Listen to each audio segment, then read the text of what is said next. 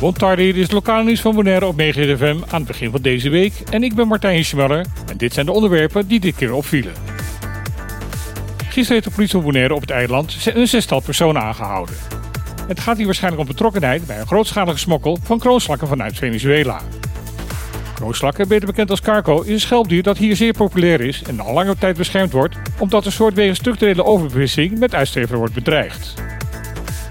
Op zondagmorgen merkte de kustwacht een boot op die met grote snelheid richting Lagoon voer. Na achtervolging kon de boot uiteindelijk worden onderschept. Aan boord bleken er 37 zakken te zijn die vol zaten met cargoslakken. Vermoedelijk zijn deze uit Venezuela afkomstig en was het de bedoeling om ze op Bonaire te verkopen. De bootlading en bemanning zijn overgedragen aan de douane.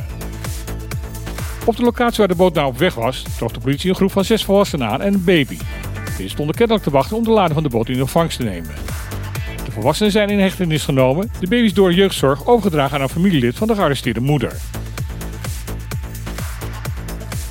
Bestuurspartijen UPB en NPB zijn ontevreden over de manier waarop kort geleden de beëdiging van raadsleden en gedeputeerden voor de komende bestuursperiode heeft plaatsgevonden. Daarom hebben gedeputeerde Kroon van UPB en Tilman van NPB een brief geschreven naar waarnemend gezaghebber Nolly Aliana. De twee gedeputeerden klagen daarin dat bij de plechtigheid de oude formaliteiten te veel zijn losgelaten, waardoor naar mening van de twee partijen de beëdiging te weinig een plechtig karakter had gekregen. De twee gedeputeerden pleiten in hun brief ervoor dat ook de traditie van het inzegen van de eilandsraadleden en gedeputeerden voor het openbaar lichaam Bonaire gaat terugkeren. Zo moeten volgens de briefschrijvers de procedure weer de plechtigheid terugkrijgen die het volgens hun verdient. Ook dit jaar zullen de Rode Club Bonaire en de Kiwanisclub of Kralendijk op Koningsdag in zalingsactie gaan houden. De Rotary zal in het Wilhelminapark de traditionele Feria Rotaria gaan houden. Gedurende het hele jaar is men spullen ingezameld die komende donderdag van 9 tot 4 verkocht zullen gaan worden. De opbrengst is bedoeld als steun voor de mediabus van Stichting Lezen en Schrijven en de Alzheimer Stichting en nog vele andere projecten. Kiwanis organiseert voor de vierde keer de Radioton. Hierbij wordt geld ingezameld voor babypakketten en fruit op school. Er zal gecollecteerd worden op de boulevard voor Club Torcadero en op de Calle Grandi. IJsselon Luciano en smoothiemakers Smooth Operators hebben een deel van de opzet van die dag beschikbaar gesteld voor de actie. Megahit FM zal de actie ondersteunen met een 4 uur durende radio-uitzending. Hierbij kunnen luisteraars tegen betaling verzoeknummers aanvragen. De live-uitzending zal verzorgd gaan worden vanuit de Ron Single Studio in Club Trocadero.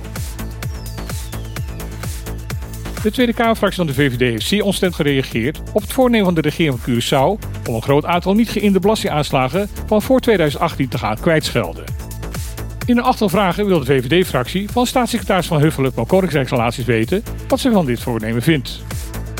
Uit de vraag is duidelijk op te maken dat de Tweede Kamerfractie van de VVD het onuitstaanbaar vindt dat de Curaçaose regering aan de ene kant een aanzienlijke bron aan inkomsten wil gaan schrappen, maar aan de andere kant van de regering van Nederland vraagt om een grote financiële bijdrage te leveren aan de noodzakelijke bestuurlijke hervormingsprojecten op het eiland.